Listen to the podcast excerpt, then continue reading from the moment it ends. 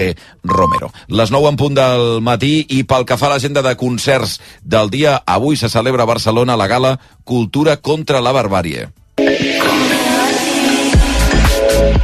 L'acte aplegarà una desena d'artistes a la sala Paral·lel 62 per denunciar la greu situació de Palestina. Caral Laoz serà una d'elles, la que sentim, però també hi serà en Zo. Les Els valencians han preparat una sessió de rap i d'esca en una actuació especial dins la gira de comiat. Completaran el cartell, entre altres, Said Muti, Sara Socas, Ana Brenes i Les Caramba. Els fons recaptats es destinaran al projecte Casa Star Circus School, que fa més de 20 anys que treballa amb els infants de la franja. També a Barcelona, però en aquest cas al Casinet d'Ostafrancs, toca avui Javier Álvarez. 1, 2, 3, 4, 1, 2, 3, 4, paso ligero, yo te lo mando. 1, El madrileny que va esfumar-se després del seu èxit als anys 90 va tornar el 2018 amb disc nou, lluny de la pressió de la indústria musical. Avui repassarà els seus últims temes a Barcelona, al Barnassans. I a Lleida avui arriba El Niño de la Hipoteca. És a dir, Guiu Cortés, al Cafè del Teatre Lleida, i farà un dels seus concerts acústics participatius en què el públic gaudirà de les noves cançons, però també dels clàssics.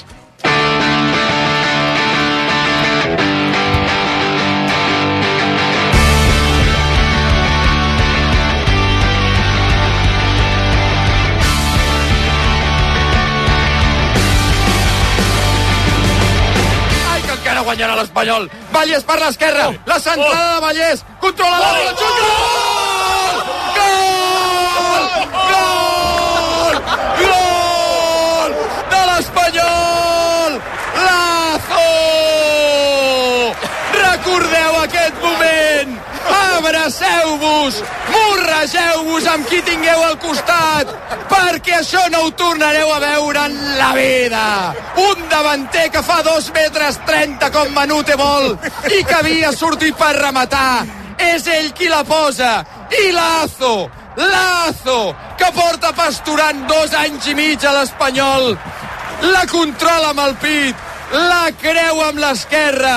I supera Lucas Iran perquè l'Espanyol acabi la jornada 28 en zona d'ascens. No sé si és Quin millor el gol o és millor la transmissió que va fer el de Valla, que va estar esplèndid. Perquè hem repassat tota la jornada de primera divisió, la victòria del, del Barça, que el situa de nou reenganxat a la Lliga, però eh, quina èpica la victòria ahir de l'Espanyol, i molt important, era un partit, ja ho dèiem ahir dissabte, importantíssim contra un rival directe per l'ascens, i déu nhi el que van fer Quim Salvador, perquè perdien 2 a 0 a Ipurua contra l'Eibar i van acabar aixecant el partit 2 a 3, a 3. I ara mateix l'Espanyol, per tant, és en posició d'ascens directe a primera. Feia gairebé 5 mesos, des del 5 d'octubre a Cartagena, que l'Espanyol no guanyava un partit fora de casa i el d'ahir el tenia completament perdut. Al minut 65 encaixava el 2 a 0, Braithwaite eh, de penal eh, escurçava a distància, s'arribava al 90 amb 2 a 1 i al 97 encara perdia l'Espanyol 2 a 1. Salvi va marcar l'empat, això ja semblava un miracle, i Lazo, ho acabem de sentir com una Ravaledo de Batlle, va desfermar l'eufòria perica al 99. Increïble. Amb el gol que donava la victòria, els 3 punts, i la segona posició l'Espanyol, que acabarà la jornada en posició d'ascens directe, i a només 3 punts del liderat de la segona divisió, que és del Leganés, l'entrenador Luis Miguel Ramis, que havia tornat a ser escridassat per l'afició blanc i blava que havia acompanyat l'equip del País Basc quan anaven perdent, torna a reclamar unitat. No voy a mostrar ninguna euforia. Estoy, estoy muy contento por mi cuerpo técnico, por el club, por la gente que viaja, por los jugadores, por la gente que ha venido, aún pidiendo que me vaya a mi casa. Estoy contento. Yo no voy a parar. No me gusta, pero sé que va con mi, con mi cargo. Estamos segundos, a un partido del primero. Eh, pido a todos que empujemos. Per cert, l'èpica la van posar Salvi i Lazo, però amb el gol de penal d'ahir a Ipurua, Martin Braithwaite ja en suma 16 i és el màxim golejador de la segona divisió. Més enllà de l'Espanyol, eh, felicitats a tots els pericos, perquè déu nhi eh, quin partidàs. Eh, però em fem un cop d'ull a la resta del futbol, eh, en aquest cas internacional, perquè avui, des del punt de vista del Barça, juga el Nàpols. Sí, el rival als vuitens de final de la Champions té partit de la sèrie a les 3 al camp del Cagliari, que és el penúltim. Serà el segon partit de Francesco Calzone a la banqueta napolitana. Va debutar dimecres dimarts contra el Barça i podrà comptar amb Osimhen, que després del partit de Champions s'havia saltat un entrenament. A Anglaterra, cita important també, final de la Copa de la Lliga, Chelsea-Liverpool a les 4 a Wembley. I tancarem amb eh, bàsquet i un parell de punts més. Avui que torna a jugar Ricky Rubio amb la selecció espanyola. Serà dos quarts de sis a Charleroi contra Bèlgica, partit de classificació per l'Eurobàsquet, el segon del base del Masnou després d'un any eh, de baixa, després d'haver tornat de l'NBA. I serà també Joel Parra, perquè l'esquins de turmell que es va fer a la derrota de dijous contra Letònia, que semblava que l'havia de tornar cap a Barcelona, no és greu, i Parra també ha viatjat cap a Bèlgica. Ahir a la Lliga Femenina, victòria del Barça Sant Feliuenc, 67 a 69 a la pista de l'Araski, i derrota del Cadí la Seu, 81 a 67 a Ferrol. L'Uni Girona jugarà aquest migdia a les 12 a la pista del Jairis i l'entrenador Roberto Íñigoz va explicar ahir en roda de premsa que el club pentinarà el mercat per buscar un recanvi idoni de Rebecca Garner, lesionada de gravetat. I dos apunts més per, per acabar. Victòries del Barça 42 eh, a 27 sobre el Valladolid i del Granollers 25 a 38 a Cantabre contra el Sinfín a la Lliga Sobal d'handbol i rècord del Barça d'hoquei patins que amb l'empat d'ahir a 3 contra el Ribes encadena 53 partits de l'hoquei Lliga masculina sense perdre. Déu meu. Les 9 i 5 minuts, gràcies, uh, Quim. Fins Bon ara. dia. 9 i 5.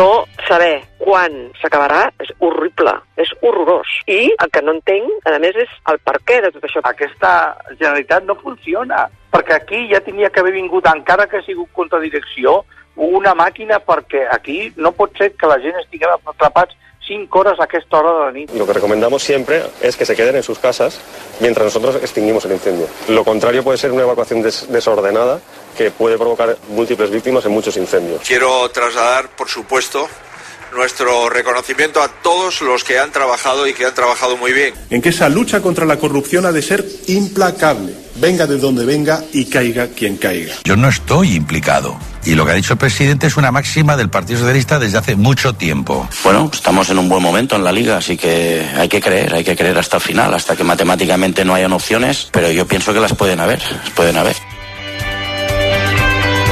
Algunes de les veus de l'actualitat d'aquest eh, d'aquest diumenge, dia 25 de febrer, avui que ens acompanya l'Arturo Puente. Com estàs, Arturo? Bon Hola, dia. molt bon dia. També el Pau Caraleta. Com estàs, Pau? Què tal? Bon dia. També la. Milagros Pérez Oliva. Bon, Bon dia, dia. Mila. I el Manel Manchón, des de la distància. Hola, Manel, bon dia. Hola, bon dia. No estàs en un cotxe atrapat, no, en principi? No estic en un cotxe atrapat, Ah, no, no, no, no. No, és que va- que això ara, ara en parlarem, però se sabia que podia venir aquest, aquest temps, no? Bueno, eh, d'aquesta Ah. manera tan intensa, potser, en Sí. tan pocs minuts, no ho sé, mira, aquí tenim el Martí Oliveres. Hola, Martí, bon dia. Què tal? Bon dia. recordo que ahir a les 9 ens deies, home, hi ha risc de que la marçada en algun punt de Catalunya, però el que és difícil és saber el lloc, l'hora, la intensitat, no? És complicat, evidentment. Ho poden preveure preveure aquests- tot, eh? Sí, Però sí. tot, De tot, fet, tot. eh, sí... Tot, tot, no. Jo crec, jo crec que es va, es va predir, es va, es va fer aquest avís, aquesta previsió, el que passa que encertar l'hora exacta, Sí, sí, el moment, i que compliqués tant en un punt delicat com és la P7, eh, cap de setmana, una tarda de dissabte entre Girona i Barcelona, evidentment la mobilitat és la que és. Això arriba a passar amb una vall del Pirineu que pràcticament no hi viu gent i potser No, clar. ni ens n'entarem. No estaríem però, parlant d'això, no? Evidentment és molt diferent. Eh, sí, però de, deixa'm només de- fer-te una pregunta abans que comencem i de seguida saludarem el, el director del Servei Català de Trànsit perquè jo crec que hi ha una pila de gent que ahir, a mesura que anava avançant la tarda, pensava com és possible, no? O sigui, com és possible que una calamarsada que segur que va ser intensa en aquells 20 minuts que va durar, però va durar 20 minuts, eh, pugui col·lapsar un eix central, una artèria principal del país com és la P7, no? Eh, I et volia preguntar sobre això que des dels avisos. Eh, jo recordo a les 9 del matí a tu dient que hi havia la possibilitat de calamar-se, no? Eh, hi va, hi va haver-hi, però, des del servei, eh, des del Meteocat, un avís, allò que fan, no?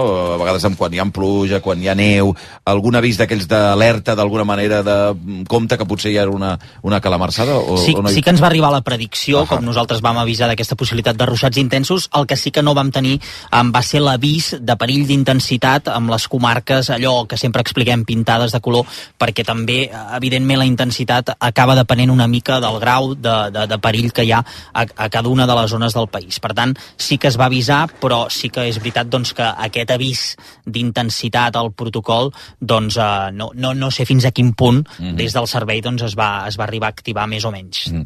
Les 9 i 29 minuts. Eh, ara en parlem d'això i m'agradarà saber la vostra opinió també, Arturo, Pau, eh, Mila i Manel Manchón. Certament, ahir van passar la tarda i el vespre i la nit rebent queixes i queixes i queixes de gent aturada, perquè estem parlant de centenars i centenars de, de conductors que van estar, en alguns casos, 4-5 hores eh, aturats en el cotxe en un dia que bàsicament el que havia passat és que havia caigut calamarsa durant 20 minuts. No? Deixeu-me saludar a aquesta hora del matí al director del Servei Català de Trànsit, el senyor Ramon Lamiel. Senyor Lamiel, molt bon dia. Hola, molt bon dia. I gràcies per, per acompanyar-nos en un dia així. Um, primer, és la, jo crec que és la pregunta que es va fer tothom ahir. Com és que una calamarsada bloqueja o col·lapsa eh, de, durant 4, 5, 6 hores una autopista central del país, l'autopista central com és la P7? Um, li explico, però eh, si ens remuntem a fa dos anys exactament a les mateixes dates, exactament a les mateixes dates, el 14 de febrer del 2022, hi va haver una pedregada de dimensions també molt importants a la C32, i la recordarà segurament molta gent, i si busquen les imatges, veuran les imatges, um, on te van veure's atrapats 30 vehicles i van haver 16 ferits, quatre d'ells greus que van ser traslladats a la Vall d'Hebron. Va ser una, una patacada d'aigua i una patacada de pedra molt important i va produir un accident múltiple. Llavors, el que va passar ahir, i també va haver-hi una segona pedregada ara fa dos anys, a la C25. Ahir va passar exactament una cosa molt semblant. I en aquest cas no va ser la C32, va ser l'AP7, en un tram de dos quilòmetres, i va ser també la C25, i no va ser l'alçada d'Espinelva, sinó l'alçada d'Arbúcies. És a dir, un fenomen, un fenomen molt semblant al que vam tenir fa dos anys. El que passa que fa dos anys vam tenir ferits. Què passa? Que tu agafes un patró més conservador per evitar aquest eh, xoc múltiple perquè quan es produeix aquesta patacada ahir sobre aquests dos quilòmetres, s'hi desplaça immediatament la patrulla de Mossos d'Esquadra, els nostres companys de Mossos d'Esquadra, i unes persones eh, bastant experimentades el que és a la carretera i sabent el que havia passat en, en episodis anteriors, decideix tallar la P7 i netejar-la, tot i que va estar oberta una estona per drenar tots els que havien quedat atrapats eh, en la pedregada. I el, i per què es fa això? Doncs perquè hi havia aquest record d'aquell xoc múltiple, i el que es volia evitar era el xoc múltiple. Si es produeix el xoc múltiple en aquests dos quilòmetres allí, és a dir, deixes obert i es produeix un xoc múltiple, treure els cotxes d'allà, i, i, i, i, i es- esperant que no hi haguessin ferits, treure els cotxes d'allà hagués estat encara molt més complexa. I per tant es talla la P7 i, um, i um, es, es promou la neteja o es demana la neteja d'aquesta via per part del titular perquè pugui circular, puguin circular els vehicles. Eh, per tant, des d'aquest punt de vista, vostès ho fan com un protocol per evitar el que va passar fa dos anys amb aquest accident eh, múltiple. La pregunta és, sí. eh, és correcte el que van acabar fent o fan una anàlisi des del Servei Català de Trànsit i diuen potser no era exactament, perquè al, al final veient el resultat, que és que hi ha persones que fins a la mitjanit no van arribar a casa, eh, també té les seves conseqüències, clar. El, el, D'entrada, eh, demanar disculpes i lamentar totes les persones que es poguessin veure afectades en aquest tall de carretera. És evident que sempre ho podem fer millor i nosaltres hem de reflexionar i fer les coses sempre millor, no? i anar aprenent de la situació que ens trobem. Però eh, el tall conservador es fa per evitar aquest xoc múltiple. Hauria estat molt pitjor, no haguéssim pogut resoldre la situació amb el temps que ho vam resoldre. La, la, en sentit sud es va obrir a les 9, en sentit Barcelona Sí, es va obrir a les 9, correcte. en sentit nord es va obrir a les 10. Però també li vull comentar dues, una altra cosa. Avui a la matinada, em sembla que era a dos quarts de cinc o dos quarts de sis, ara no ho recordo, hi ha hagut un accident en aquell punt.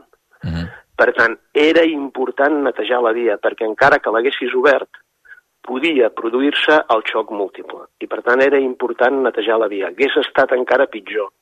I també mencionar una cosa que és important saber. Només en el moment ja de la pròpia pedregada, en el moment de la pròpia pedregada, quan de cop el trànsit queda pràcticament aturat, es produeixen ja de manera immediata 5, 6 quilòmetres de retenció.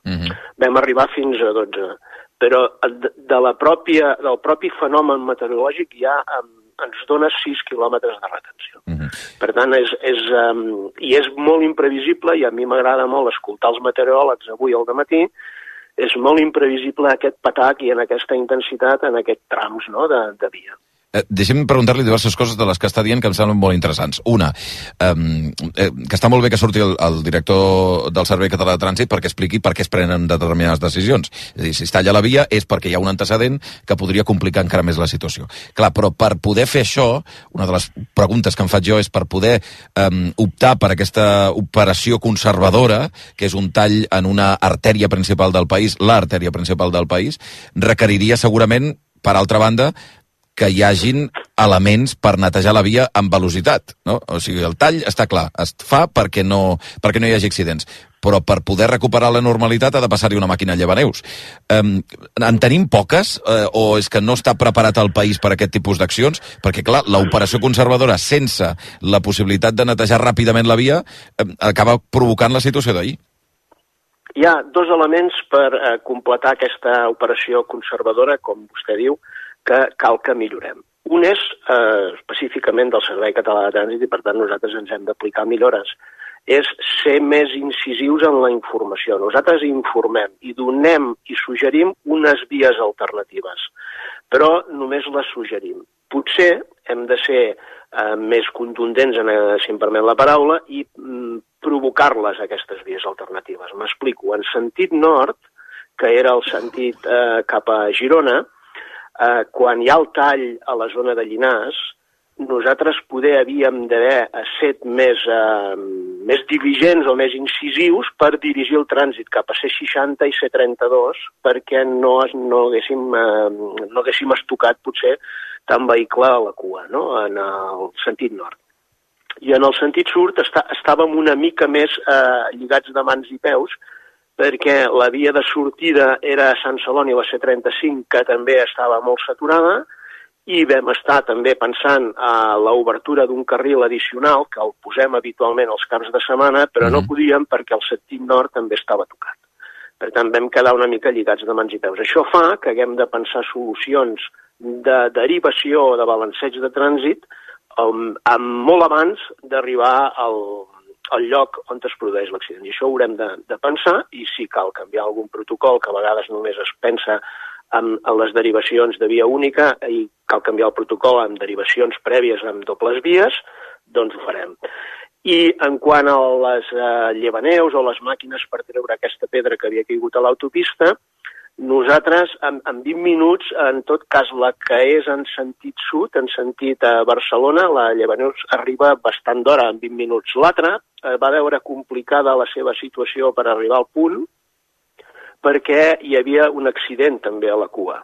Hi havia un accident també a la cua i per tant va veure complicada. Però en 20 minuts arriben, les màquines eren a Granollers, per tant no eren lluny. Eren a prop, eh? Uh, Sí, no eren lluny, eren a Granollers, era la seu de, del Ministeri, eh, la via és del Ministeri, era la seu del Ministeri que tenen a Granollers i, per tant, allà ja van activar els seus recursos. Clar, però fixi, senyor eh, Lamiel, això és molt interessant, insisteixo, perquè hi ha molta gent que ahir que va quedar atrapada, de fet, aquí uns instants podrem saludar algú en eh, alguns casos que ens, que ens van arribar i que volien explicar també la seva situació, però eh, que diuen, estem atrapats aquí 4 o 5 hores i no sabem ben bé per què, no?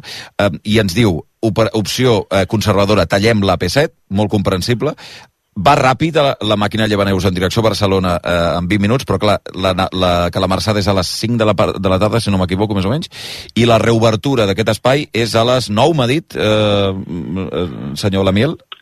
La reobertura en sentit... Eh, Cap a Barcelona. Barcelona és a les 9 a les 9. del vespre. Per tant, són... I, la, eh, I en sentit nord és a les 10. Clar, hi han 4 hores de distància amb una màquina Llevaneus que arriba en 20 minuts. Eh, això vol dir que és impossible anar més ràpid, eh? Això jo, jo no li sé dir perquè l'operativa de, de neteja no ens pertoca a nosaltres, però és una de les coses que hem de, que hem de, que hem de veure, no? si és possible reforçar-ho quan es produeixen aquestes situacions, perquè ja ens ha passat dues vegades, i això haurem de parlar amb tots els titulars de les vies. Ens ha passat a la C32 fa dos anys i a les mateixes dates, és, és casualitat, aquesta també seria una pregunta que ens hauríem de fer. Eh, es produeix alguna situació meteorològica determinada que en aquestes dates ens provoca aquest tipus d'incidents? No sé, són preguntes que també ens hauríem de fer, però que a nosaltres no ens correspon com a trànsit i en tot cas com a trànsit podem, podem compartir el que llavors ens toca gestionar, no? Clar. I a, a, a, partir d'això podem preveure algun tipus de recursos suplementaris per a aquestes situacions? Pues, um, caldrà, caldrà afinar-ho, no? I això és una de les coses que hem de parlar amb els responsables de les carreteres per veure si ho podem afinar. Nosaltres, el com a De, o sigui, des del seu sí punt de podem. vista, senyor, senyor Lamiel, eh, a vostè li va semblar satisfactori el temps que va trigar a netejar el titular de la via eh, el, el, amb les màquines llevaneus?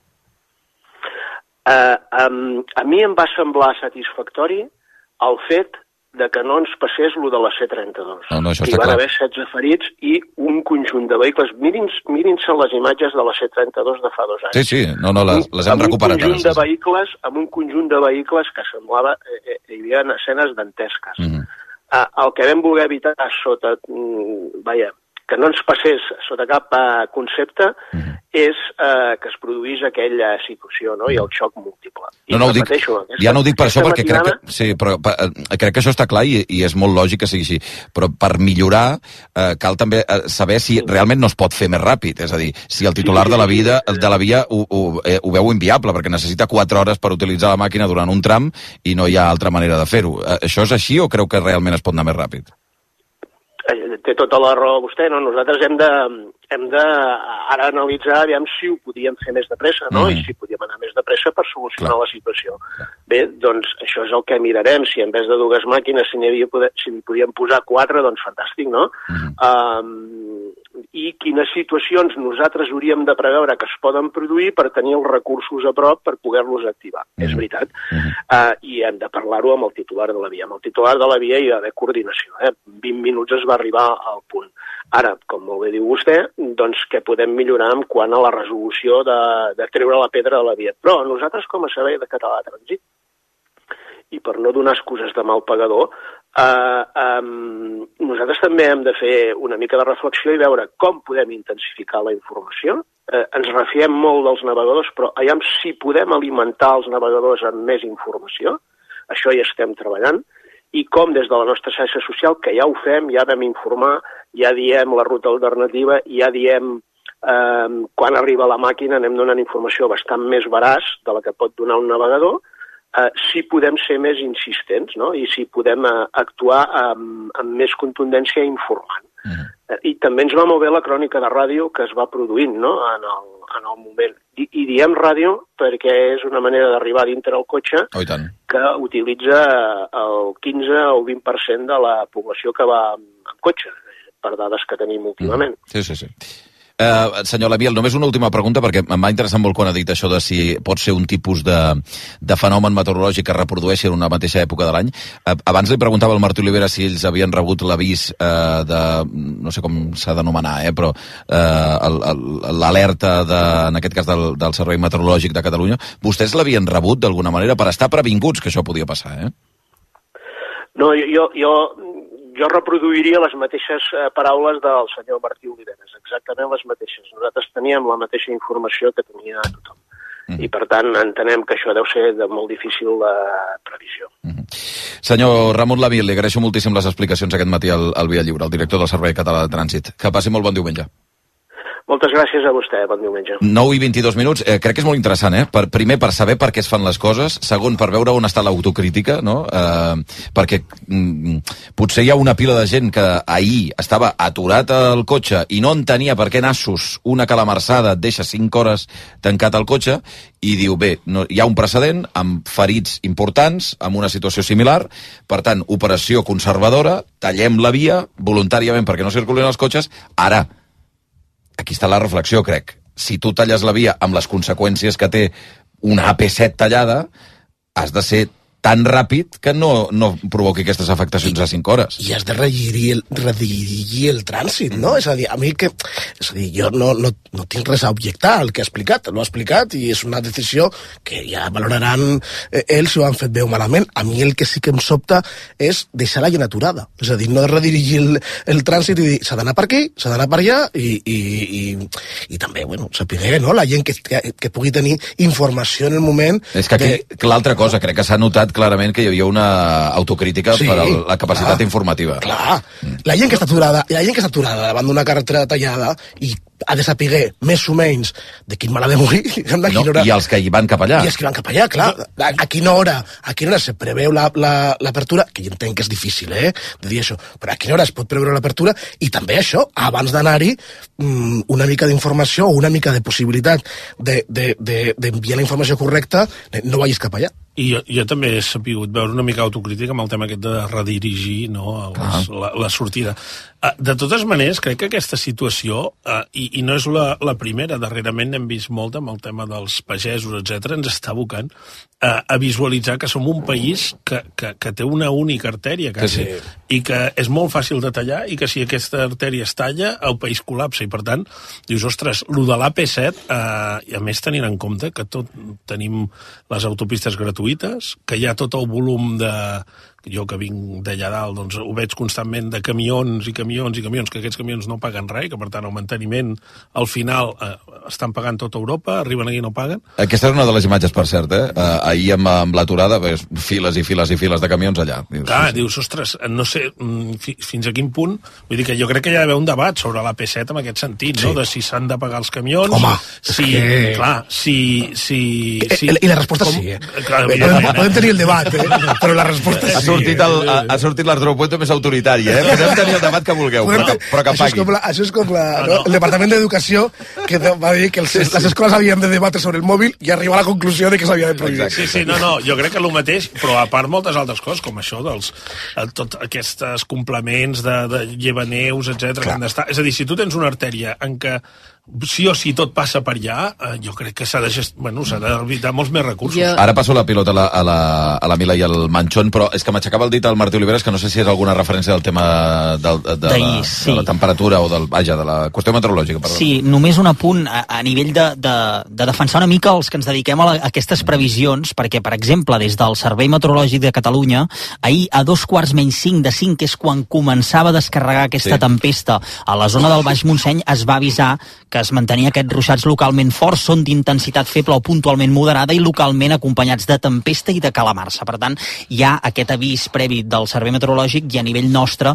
doncs a l'antena de rac vam entrar també per fer l'explicació durant la transmissió del Barça Juga rac Vam avisar que no plovia en aquell moment a Montjuïc, però que ho podia fer i que sí que teníem aquests ruixats localment forts, evidentment d'aquí a veure el resultat final, ni molt menys ens ho podem esperar. I, i no? també aquestes, aquesta- aquestes circumstàncies és eh, passar-se de massa o de massa poc, no? Sí, ja no per però- la informació d'una emissora de ràdio, sinó perquè eh, un servei català de trànsit decideixi, eh, entre cometes, posar l'alarma i dir ara farem un missatge institucional dient si podeu evitar la P7, eviteu-la perquè està passant això i pot sí. passar això. No? Clar, el Jo- límit de saber en, en quin moment engegues aquesta maquinària eh, sempre és molt Jo, difús. jo no? m'imagino que si jo hagués estat en aquest eh, cotxe que està 5 hores a la carretera veient que una calamar para tot, pots pensar quina ineptitud tenim en aquest país. Mm -hmm. Bé, jo crec que... T'asseguro que el, el 99% dels missatges d'ahir eren aquest, exactament. Bé, sí, sí. però l'entrevista que hem tingut ara mateix amb el director general de tràfic, Mhm. de trànsit, demostra que les coses, eh, tots som enginyers quan estem mirant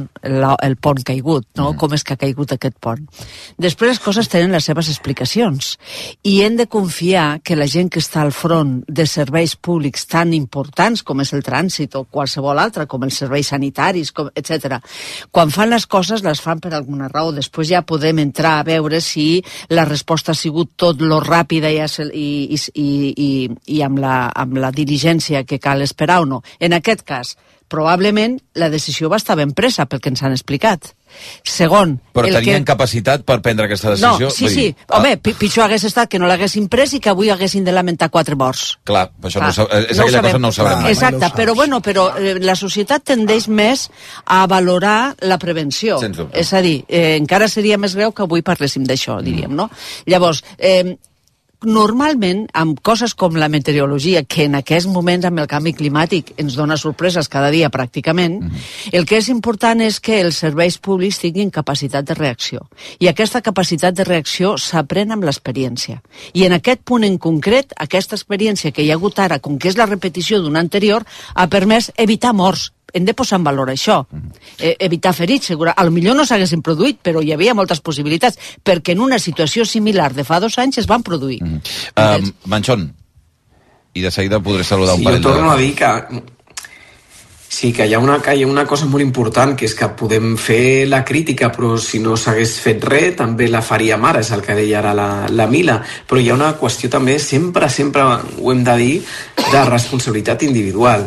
Les aplicacions, jo ho escoltava perquè estava per aquesta part d'Osona, on realment va ploure molt intensament i a més amb pedregada, eh, ho, ho escoltava unes persones que, que hi anaven, que deien eh, entre les 2 i les 5 serà bastant intens tota, tot el, tota la pedregada que pot, que pot haver i com a mínim la pluja intensa. I mm, es va retrasar una miqueta cap a 2.40 cap a pràcticament mm, 3 quarts de, de, de 3 va començar a ploure molt intensament. I llavors eh, jo crec que la informació hi era des del punt de vista meteorològic. I després sí que és veritat que una vegada tu estàs en un cotxe parat, sí que has de saber, i aquí sí que hi ha una, una manca d'informació clara, tu pots estar parat però has de saber per què estàs parat.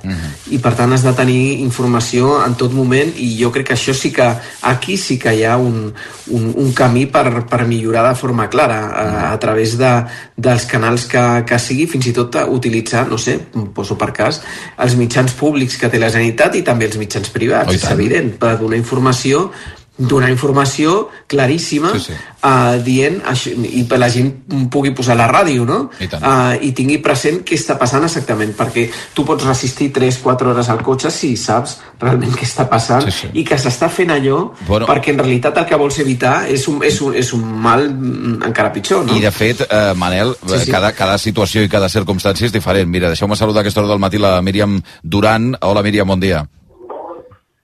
Míriam, ets per aquí? Hola, Hola, bon dia, Míriam. I el Jordi Casagran també. Hola, Jordi, bon dia. bon dia. Dos dels moltíssims conductors que van quedar atrapats a, ahir, a, la- ahir a la nit. Uh, Míriam, mm, no sé a quina hora vau uh, entrar a la, a la P7 i a quina hora vau acabar arribant uh, fins a casa. Aviam, vaig, vaig, vaig sortir sobre les 6 Sí? i ens hem quedat tallats exactament a les 6 i quart, a l'alçada de Llinars. Uh -huh. I m'ha fet molta gràcia tot el que ha estat parlant el senyor Lamiel, no sé com es pronuncia. Sí, la miel, sí. Eh, Eh, però perdona, però- perdona un segon, eh, Míriam. Eh, de les 6 i quart us veu quedar aturats. Fins a quina hora? Eh, fins a les, no sé, que eren les 10 i mitja a les 11, no sé, una borrada. Però el detall és que ell diu que en seguida van sortir els, les excavadores. Nosaltres, eh, o les excavadores, els ibaneus, no ho sé. Però des de que nosaltres ens hem quedat parats, estem parlant que la pedregada va ser a les 5, i van tallar a aquella hora, no? eh, fins que no va passar al Llevaneus, va passar molta estona. O sigui, I estava a Granollers, de Granollers a Llinars, que ja, no res. Clar, jo entenc que en sentit sud van anar en direcció contrària i van anar molt ràpid. A la nostra era més complicat perquè anàvem en sentit nord i hi havia, s'havia de fer bellugar els cotxes, que sembla que ens costa una mica veure les, els rotatius i apartar-nos una mica. Però és que ja la de sentit sud ja va trigar un muntó. Mm. A qui éreu, el, qui éreu el cotxe vosaltres, Míriam? pues mira, estàvem eh, vuit persones al cotxe. Vuit persones? Carai, quin cotxe. Vuit persones, si és que tinc uns quants fills. Ah, tens uns quants Eh, fills, d'acord. O sigui, éreu eh, però- dos, dos, dos pares i un, i un grup de criatures, eh? Sí, bueno, no, el pare no hi era. Ah. Però eh, tinc quatre nens petits, els altres dos són adolescents i amb el mòbil es, ni es van enterar, però els quatre nens, impossible aguantar-los. Tinc dos autistes en, en mi i els dos autistes no entenen res.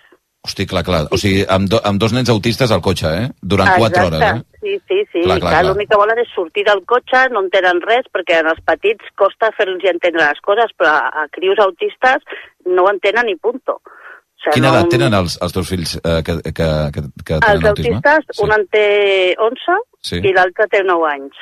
Uh, i, I llavors com va... Perquè dius 4 5 hores allà dins del cotxe, ara eren unes 4, 4 hores i Sí, pico. sí. Que, com La- van reaccionar la- els, els nanos? pues, plorant, amb ganes de vomitar, amb ganes de sortir del cotxe, donant cops, donant-se cops ells mateixos, pixant cada dos per tres per poder sortir un moment del cotxe. Sí, sí, una clar, bogeria. Per tu va ser tremendo, eh, aquestes 4 o 5 hores. Pues sí, sí, sí. I que consti que jo m'aprenc les coses amb molt d'humor, tinc molta paciència, mm, no sé, empatitzo molt i sé que hi ha molta gent que també estava malament i, bueno, vaig sortir d'allà, bien, perfecte, estem tots sants i molt bé.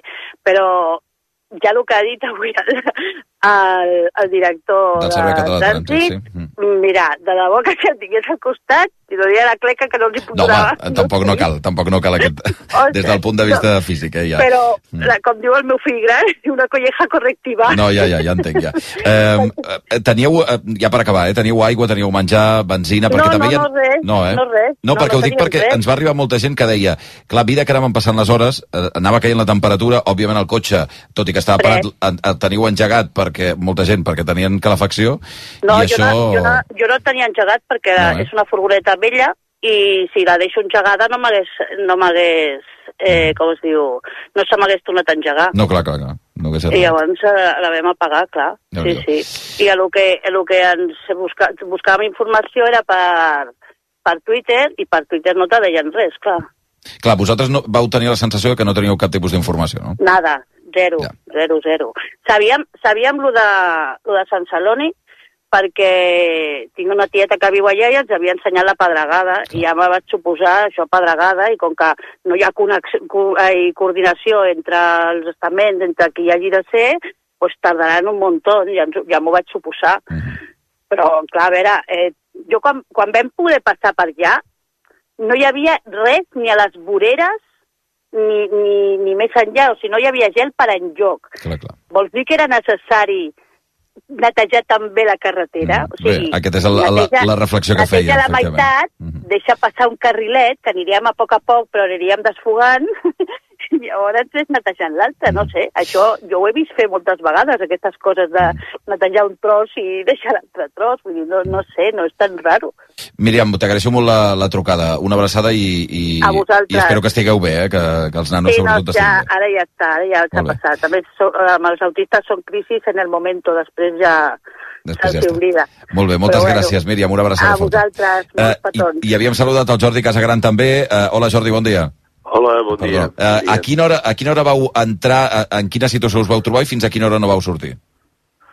Nosaltres vàrem entrar aproximadament a les 5 i mitja, 6, i vam arribar a casa doncs, a les 11, a les 11 i escaig. Anàveu cap a Barcelona o cap a Girona? Girona, cap a nord, direcció nord. Clar, són els que vau patir més, diguem-ne, la, la pujada. qui éreu? Qui éreu? Qui, qui hi havia al cotxe? Eh, tres persones, la meva senyora, jo i una meva filla. Mm -hmm. Quina edat té vostè? 76. 76. Eh, llavors, vau passar, això, 4 5 hores també al, al, al cotxe. 5 hores, sí, sí. Cinc sí, hores. Sí, una experiència, una experiència. Mm. Us havia passat mai que heu estat tanta estona al No, cotxe? no, no, no, no, no, no. I com ho vau viure? Perquè, va clar, sou dues persones eh, d'una edat més avançada. No sé si necessitàveu algun tipus de, de medicació o algun tipus de... Tot es porta, això tot es porta a sobre. Eh? Clar, clar, és veritat. I, aigua, I aigua també, perquè he sentit un comentari, i aigua també, vull dir, no, Mm. no. Però una bona una experiència, una experiència que no havíem tingut mai. Jo tinc que dir que un 10 per la ciutadania, un 10, un 10, eh, molt bé pels llevaneus i els Mossos, perquè quan vam anar cap a, quan vam poder arrencar a Girona vam trobar absolutament cap senyal de que hagués passat res, però no, en fi, però un, un suspens per aquí mana, perquè ens va faltar i absolutament això. Tot el més fantàstic. La gent es va portar molt bé i una, una curiositat, sí. jo escolto un basté cada dia Sí, i concepto tants comentaris al mòbil, que estic totalment d'acord amb el que diuen, i jo hi hagués agradat que s'hagués vist per un forat que tothom, absolutament tothom, va passar el temps, el temps per, gràcies al mòbil. oh, sí, això sí, això sens dubte. Vaig donar un vol per allà, per, perquè vaig haver de baixar, com molta gent Oh, clar. del cotxe, vaig donar un vol, i tothom, tothom, tothom, amb el mòbil. Sí, per sí, buscar informació, suposo. Eh? O per Que passar no l'estona. Que no van tindre. Jordi Casagran, eh, li agraeixo moltíssim aquesta estona. Fins ara. Molt bé. Vinga. bé. 9 i, 30, 9 i 38 minuts. Doncs bé, alguns casos de casuística, clar, eh, no és el mateix estar sol en un cotxe que portar 4 o 5 criatures, a més amb alguns amb problemes eh, de- d'algun altre tipus, i haver de, de, de suportar aquesta situació. No? no sé si volíeu fer algun apunt més eh, de la qüestió. Eh, Martí, avui no ha de caure més que la Marça, no? No, avui en aquest sentit estem tranquils. Eh, Evidentment tenim un altre canvi de temps que hem anat explicant al llarg del matí. Està nevant al Pirineu, Prepirineu, sobretot a la banda de Lleida, són ruixats d'intensitat feble, feble moderada, però sí que tenim aquest aire fred i està nevant fins al fons de les valls. Per tant, la neu pot aparèixer, eh, ho estava fent fa una estona al Pont de Suert, però també la Vall d'Aran, fins a fons de vall pràcticament, per tant a les mateixes capitals, en zones més habitades. Això, precaució a la carretera, és diumenge, hi ha gent que està esquiant, hi ha gent que tornarà després a la tarda, encara tindrem aquests ruixats, però són poc importants, no pas amb la intensitat d'ahir, i a la resta serà un dia amb molts núvols, però poques opcions de pluja. Entre demà i dimarts torna a venir una llengua d'aire més fred que reactivarà la nevada, sobretot a la cara nord del Pirineu, i aquesta setmana que ve podrem tenir tongades de nevades fins i tot importants cap a la Vall d'Aran, el Pirineu Aragonès, el Principat d'Andorra, per tant, bones notícies pel sector de l'esquí que es pot reactivar una mica aquest final de temporada i una mica més modesta la nevada al Pirineu gironí, tot i que també també hi arribarà. Jo, en defensa dels meteoròlegs i tal, ahir allà a l'Empordà veies zones on plovia molt i tot l'altre sortia el sol. Vull dir que era molt, molt, molt local aquestes pluges, eh? Vull dir que, bueno, és molt difícil preveure exactament on te plourà i amb... No? Sí, i, i tenim la sort exactament del radar, el radar meteorològic, amb la seva animació, ens permet veure cap on s'està desplaçant aquest nucli de tempesta, com era el cas el que va arribar al Baix Montseny, que es va formar cap a la serralada transversal, el que seria l'eix, la C25, no? entre Santa Coloma i Vic, aquests ruixats al centre de la comarca d'Osona, sobretot a la zona de muntanya, de Sau, van anar trencant cap al Montseny i finalment es va reactivar en el cas de Sant Celoni i per això van poder-ho avisar cap a les 4 quarts de 5 minuts abans a la connexió amb, amb els companys de- d'esports. Però, evidentment, la intensitat i l'efecte que va tenir a posteriori, això també ja és més complicat i el que dèiem, a l'AP7 és una cosa, amb una vall, amb una carretera que pràcticament no hi transita ningú al Pirineu, les coses serien diferents. Jo, jo sentint els testimonis crec que una de les claus és la informació. Sí, sí. I, i he tingut la sensació que, a més a més, això es pot fer. És a dir, pots enviar, per exemple, eh, missatges al mòbil. Pot, això tries el repetidor, dir, es fa la propaganda electoral, ho fan. Eh, aquest poble vota no sé qui. Això es pot fer.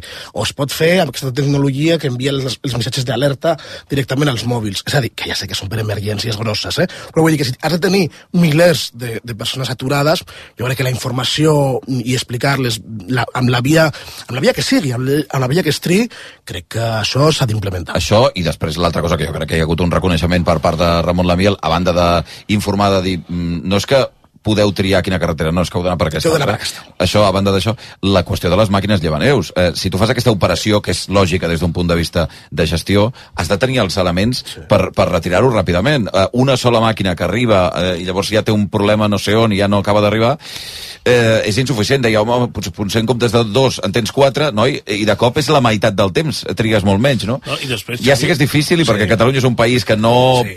cau Que no d'aquesta intensitat, no? sí. no som Suècia, però vaja, eh, quan, si, si determinades polítiques s'han d'aplicar si tens determinats elements, segurament. Clar, i, i com comentava, 12 quilòmetres de cua, 12 quilòmetres de col·lapse, clar, eh, qualsevol emergència que es produís en aquests 12 Clar, clar. quilòmetres és molt complicat de fer entrar Sí, sí. una ambulància o el que sigui, no? Per tant... no?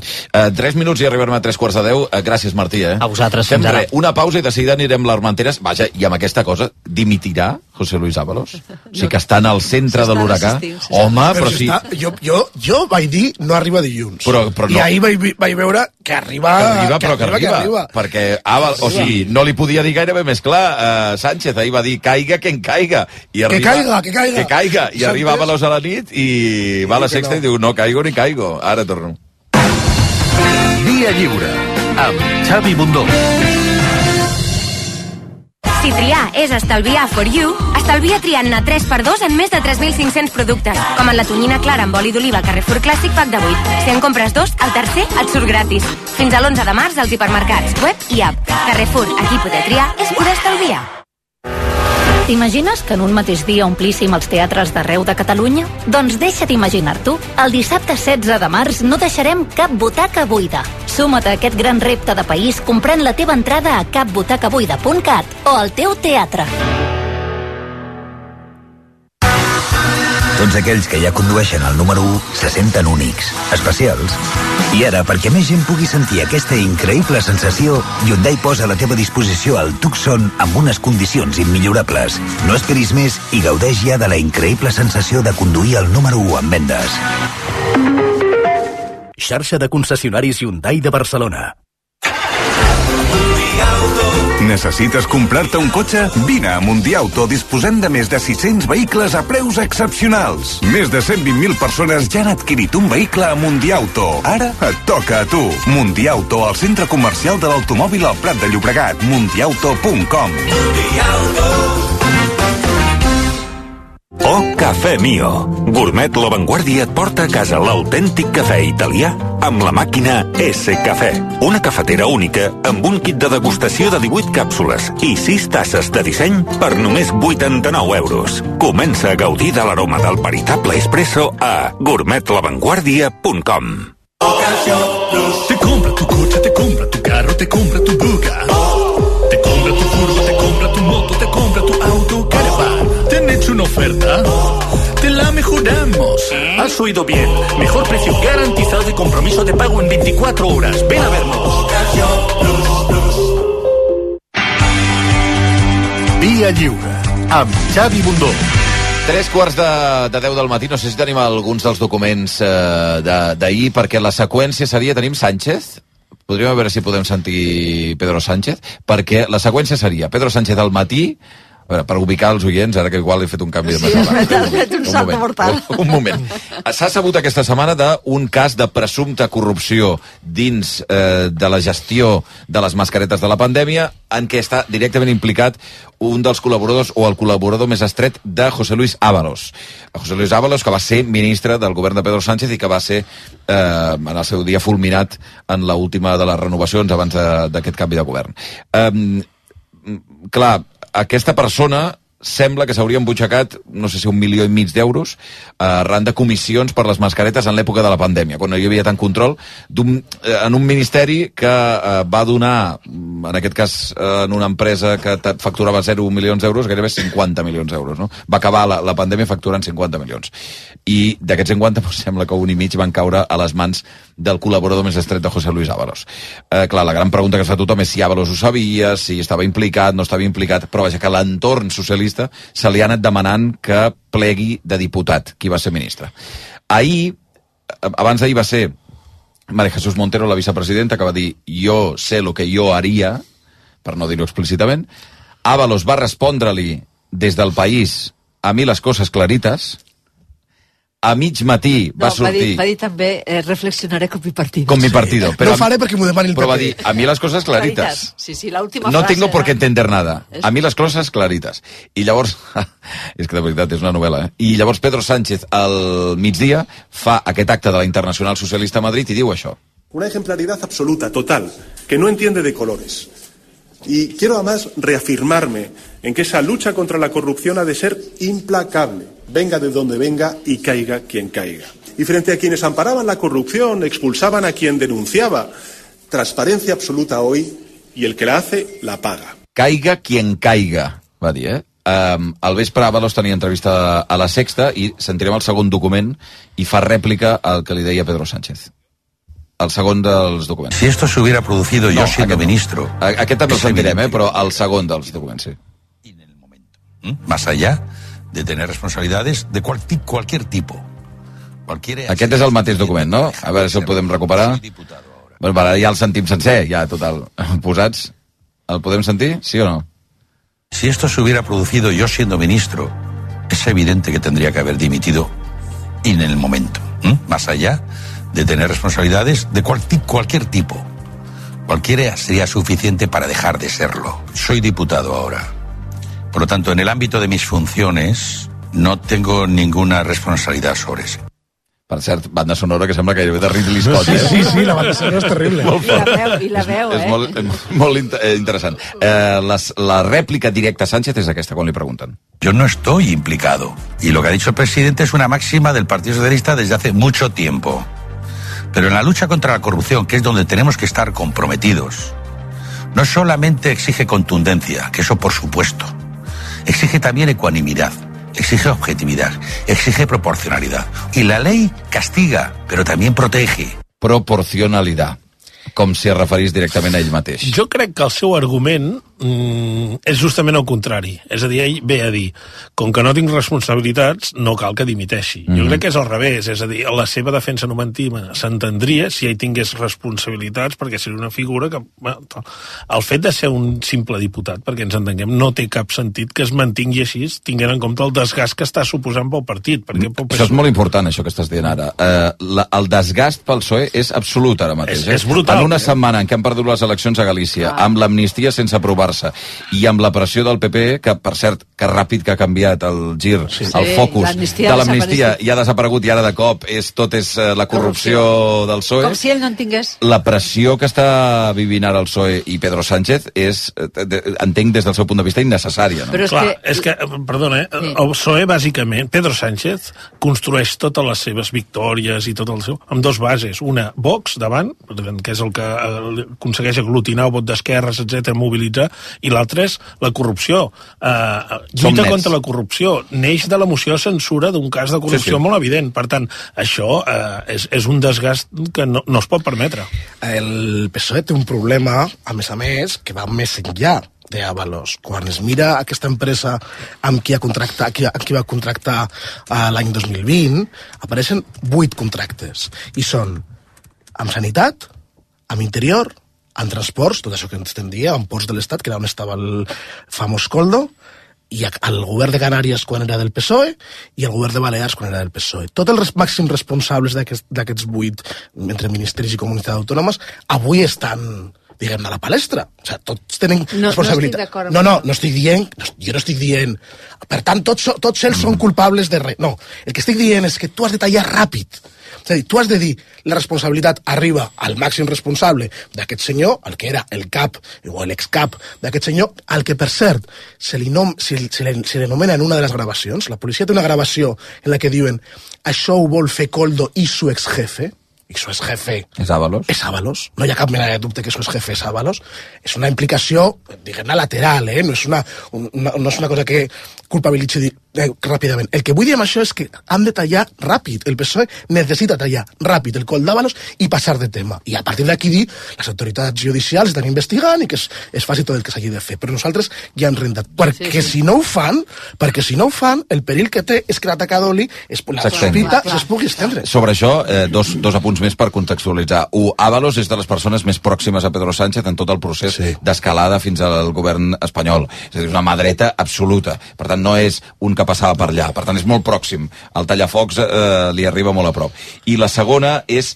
Eh, la gran pregunta que s'ha fet tothom en les últimes hores és si ja ho sabia Pedro Sánchez.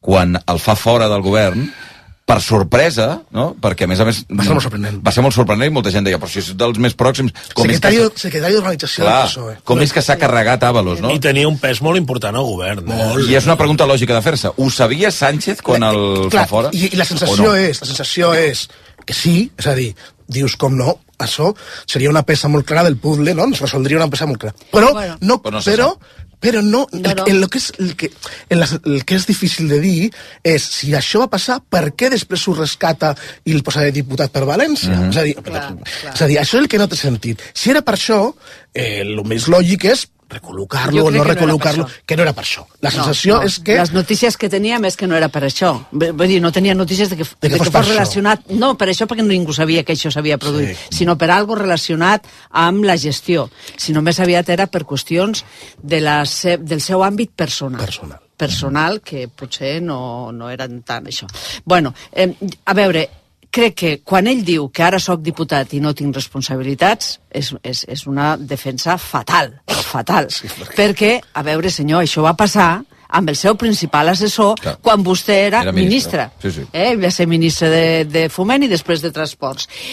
Que, a més, com que eh, eh, aquest Coldo va ser, des d'aquest punt de vista, bastant eficient en la seva gestió, que, de la que va treure les mordides corresponents, però va ser eh, eficaç en l'obtenció de mascarilles, què va passar? I això ho, ho coneixem molt bé, és que en aquell moment van estar cobrint informació, que tots els ministeris, i inclús l'exèrcit, i tothom anava de bòlit per veure qui podia subministrar mascaretes. Sí, I sí. algú diu, hòstia, el, el Ábalos en su en eso, eh, té una empresa que subministra i llavors es va escampar a altres ministeris.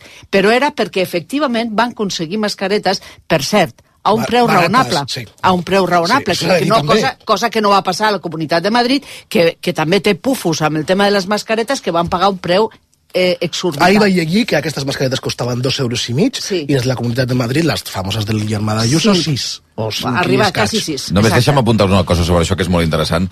Eh, les ultraregulacions o la, la burocràcia que ens agrada dir a Sí. vegades existeix per, per alguns motius. Clar. A la, que, Tant. a, que, a la que tu aixeques un moment, la, dius, bueno, va, eh, A veure què passa. urgència. De cop s'hi comença a colar gent Home. que s'embutxaca diners per tot arreu. Bueno, I- però, però, però hi havia un altre motiu, eh? Això no vol dir que sigui generalitzat, eh? que era la necessitat. Sí. Evidentment. Més enllà de... Home, Evidentment, no, eh, òbviament que- no hi que- ha els controls, però hi havia una necessitat tan Però- imperiosa de qualsevol Clar. personatge... Però que, el, el que vull dir és, eh, té a veure amb la condició humana i no sé si la condició política d'un país en què això mm, passa. Sí. És a dir, a la que aixeques una mica, pop, de, sí. comença Sí. a colar-se gent que es vol endur sí, calés però, cap a la clar, butxaca. I llavors això eh, pot passar que hi hagi privats, però bueno, i després el que tenim és l'assessor d'Àvalos i el germà de la Ayuso i Sí, sí. la gent que està propera al poder Sí, sí. en aquell moment. Llavors, en aquest cas, el que també és, des del meu punt de vista, una, una qüestió per reflexionar és la carrera d'aquest senyor. És a dir, és un senyor que comença També, això és tremendo. que comença sent porter d'un centre, d'un prostíbul, pràcticament. Sí, d'un prostíbul. Coldo, eh, dius? Sí, sí, sí, no, el Coldo. No, no, Coldo, Coldo. No, el, el, el, que estava parlant dels que són propers que se n'aprofiten de la situació, no? I acaba sent de la mà, justament, del ministre, que li va donant confiança, i a l'entrevista al País ho explica. Sí, sí. Explica, se fue, se fue ganando mi confianza i li va donant responsabilitats, diríem, i, i gestió de coses que en principi semblaria que no tenen per què ser ni polítiques. Són coses de, Personals, de, de, de personals, la del- intendència del diària d'un ministre. de la coses. logística i la intendència. Però una persona així acaba al Consell de Renfe ni que sigui de mercaderies... És espectacular. A veure, a veure. eh? Doncs I llavors problema, ell ho justifica dient Ah. que gairebé tots els assessors dels ministres formen part d'empreses. Bueno, seran uns altres assessors. És veritat que els ministres tenen, el ministre d'Economia té economistes d'assessors, òbviament, que aquests economistes que tenen una carrera solvent, professional, siguin consellers d'una empresa que hi té participació al Ministeri, no ens ha de, Sempre, no hi ha ens ha de hagut, sorprendre. sempre hi ha hagut matxaques, però no arriben tan alt. Home, exacte, és a dir, però no, però que en aquest cas el mèrit d'aquesta persona, ni la formació ni el mèrit, l'únic mèrit que té és estar molt a prop del senyor Ábalos, no en té un altre. Ser molt amic. I ser molt amic. I, i, els, i els mèrits professionals, sense de, desmereixer el que pugui saber, no són per estar allà. Manchón. Òbviament. No, que dic, doncs, això, aquest, és, aquest és el gran problema dic, de l'administració a Espanya en comparació amb altres països. És evident que, que hi ha altres exemples. I, i per exemple, a Holanda, a Holanda també s'està parlant moltíssim d'un cas on, on va haver-hi un, un comissionista i està tot el país en contra, una persona jove que a més anava en plan uh, ONG, és a dir, que era molt admirat per uns suposats uh, um, serveis socials que després s'ha vist que, que, no, que no ho eren.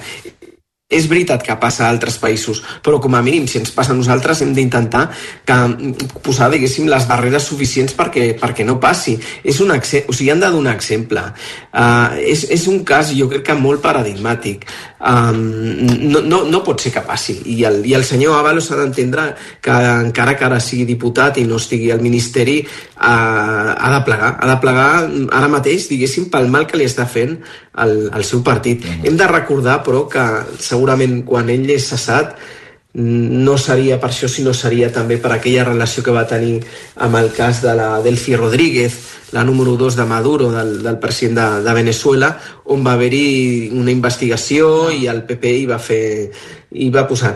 Com a mínim va estar relacionat en aquell cas que més o menys es va dir que ell va impedir que entrés a Espanya perquè ella no podia entrar en territori de la Unió Europea i, i després va ser, va ser cessat. No ho sabem del cert, el cas que eh, Sánchez no va explicar mai per què l'havia cessat, però en tot cas ell és molt corresponsable perquè no pots tenir una persona que, que acabi, acabi cobrant comissions i hauríem de fer també una reflexió molt més profunda perquè torno, és que sempre són uh, responsabilitats individuals és a dir, com és possible que tinguis la, la ara em direu, home sí, és molt humà és molt humà però hauríem d'intentar que, que no ho fos. És a dir, no pots cobrar comissions d'una forma barroera mm, per, per mascaretes, per qualsevol cosa, eh?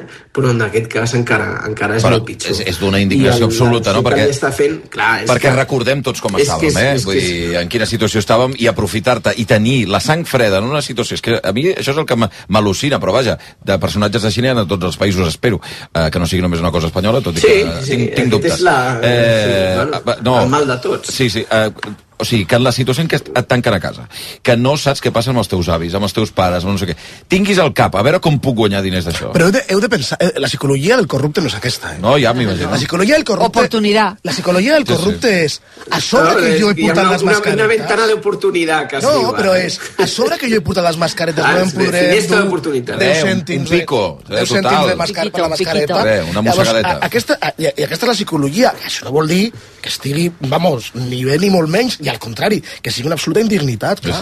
En tot cas, jo crec que el, el Però tema... una cosa, però recordeu una cosa. Sí, perdona, no, recordeu una cosa.